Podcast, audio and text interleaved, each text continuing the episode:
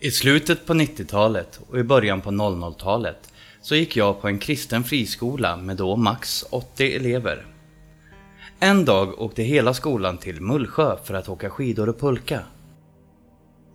Under dagen så bestämmer jag och en kompis oss för att gå en sväng. Vi går från skidanläggningen ut på grusvägen. Efter att ha gått en bit så passerar vi ett ruckel till hus på högersidan. Då hör jag någon som ropar på hjälp. Tittar runt omkring för att lokalisera vart ifrån de kommer. Lyckas inte med det.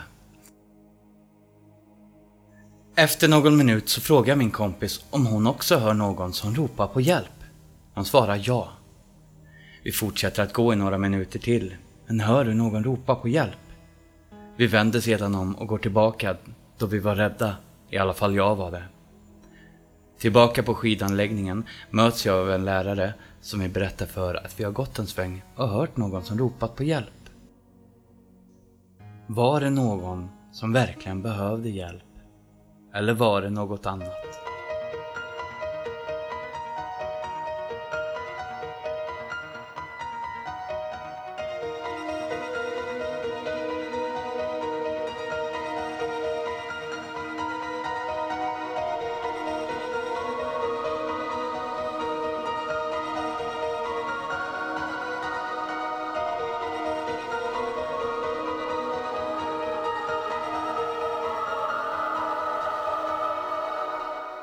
Idag har vi ett litet särskilt avsnitt för det är nämligen inte Mikaela som har skrivit dessa historier utan två av våra lyssnare.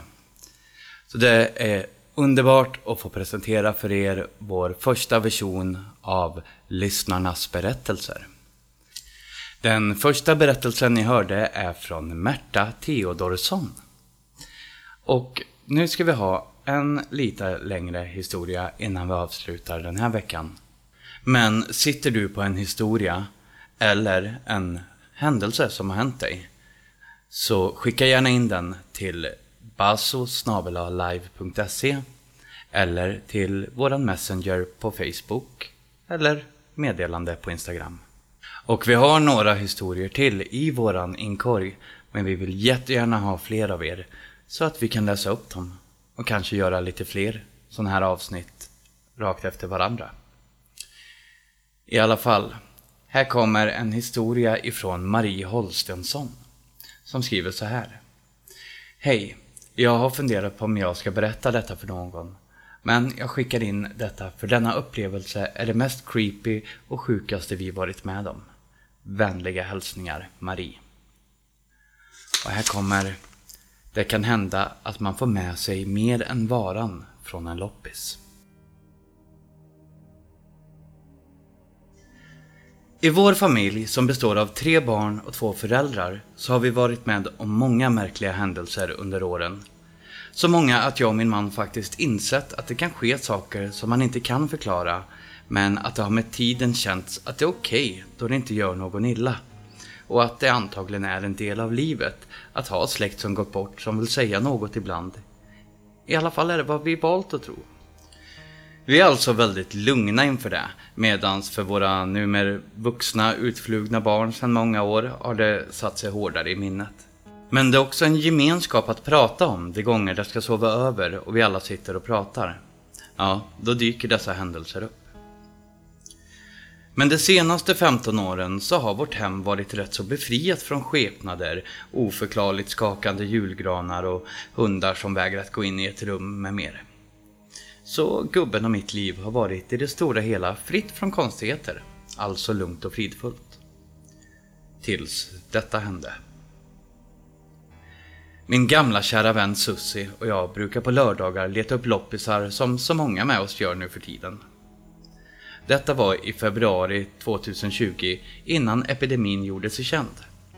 Sussi och hennes man ringde mig och frågade om jag ville gå med på en stor garageloppis på norra sidan Stockholm. Och visst ville jag det. Väl där särade vi på oss då jag gillar att gå själv och kolla i lugn och ro. Det var inte så värst mycket som jag var intresserad av tills jag fick syn på en radio i rockabilly-stil, röd och vit.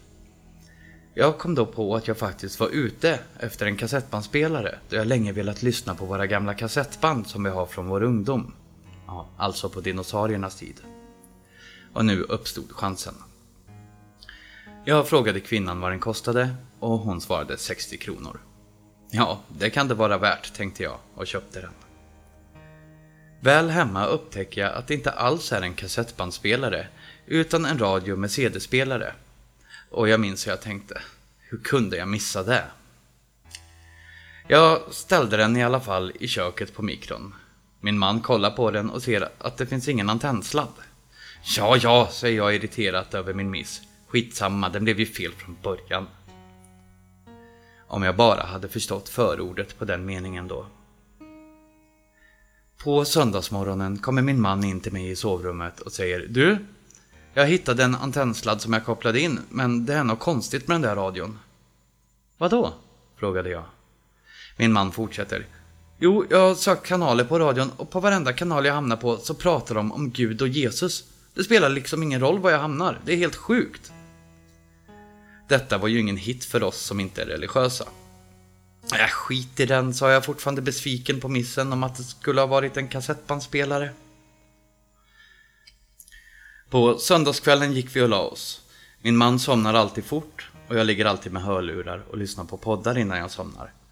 Vi somnar oftast med ryggarna mot varandra. Och så också denna gången. Plötsligt kommer genom lurarna som ett högt skrap. Det ljudet kom från något i lägenheten och sen cirka 20 sekunder senare smällde det till ordentligt som om något jättetungt ramlat ner från en vägg. I samma veva som jag i min hjärna konstaterade att vi inte har något som kan ramla ner och smälla så högt så tänkte jag märkligt nog Ja, vad det än var får jag ta hand om det imorgon. Jag pallar inte gå upp. Detta är inte en normal reaktion då jag av naturen är nyfiken.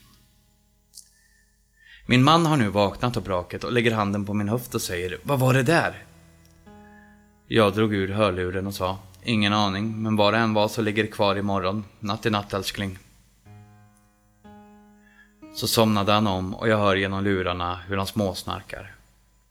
Jag fortsatte lyssna i hörlurarna då jag plötsligt hör någonting utanför dem som gav mig en overklighetskänsla av dess like och fick hela min kropp att stelna till.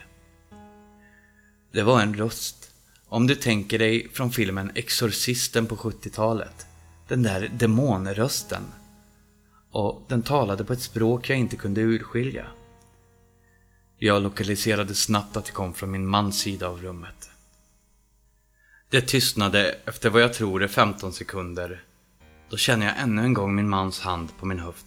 Denna gång hårdare. Och jag tar ur hörluren. Och han säger med tydlig rädsla i rösten. Marie, hörde du det där? Jag vill inte säga vad jag hört innan han sagt något så jag frågade honom. Ja, vad hörde du? Min man. Det var något som pratade. Jag. Hur lät det? Här var jag stel inför svaret. Min man. Det lät som en demon. Jag. Vart hörde du det? Min man. Från min sida av sängen. Hans rädsla i rösten fick mig att agera på ett i situationen rätt udda sätt. Jag kände mig skitförbannad på denna, ja vad det nu var. Jag gick in i beskyddarställning. Så jag häver mig upp på armbågen tänder snabbt sänglampan som är rätt skarp och slänger mig ner för att kolla under sängen, beredd att ta tag i det som eventuellt fanns där och gå till strid. För jag kände bara att ingen jävel ska komma in i mitt hem och skrämma oss. Jag var ursinnig inombords. Helt orealistisk, jag vet, men så var det. Det känns fortfarande idag som en naturlig reaktion. Varför vet jag inte. Cigarren. Men under sängen fanns inget. Till slut efter prat så lyckades vi somna om igen och klockan 04.45 då min man går upp vaknade även jag. Jag vinkade av honom, sen gick jag raka vägen ut i köket, slet till mig radion med antennsladd och hela balletten, ner i en påse. På med jacka och skor i nattlinne for jag ner och ut emot sopbehållarna. Som var fulla såklart efter helgen. Man skulle inte ens kunna fått in en servett i dessa. Insåg att, nej, ner här kan jag inte stoppa radion. Ja, upp till mig kommer du då fan inte igen, tänkte jag och gick in genom porten och ställde påsen på golvet vid porten i väntan på att sopbilen skulle komma. När jag sen gick till jobbet så tänkte jag att jag får nog ställa ut den vid behållarna ändå. Men väl nere vid porten så såg jag att den var borta. Jag hoppas nu att ingen i mitt höghus har tagit hem den.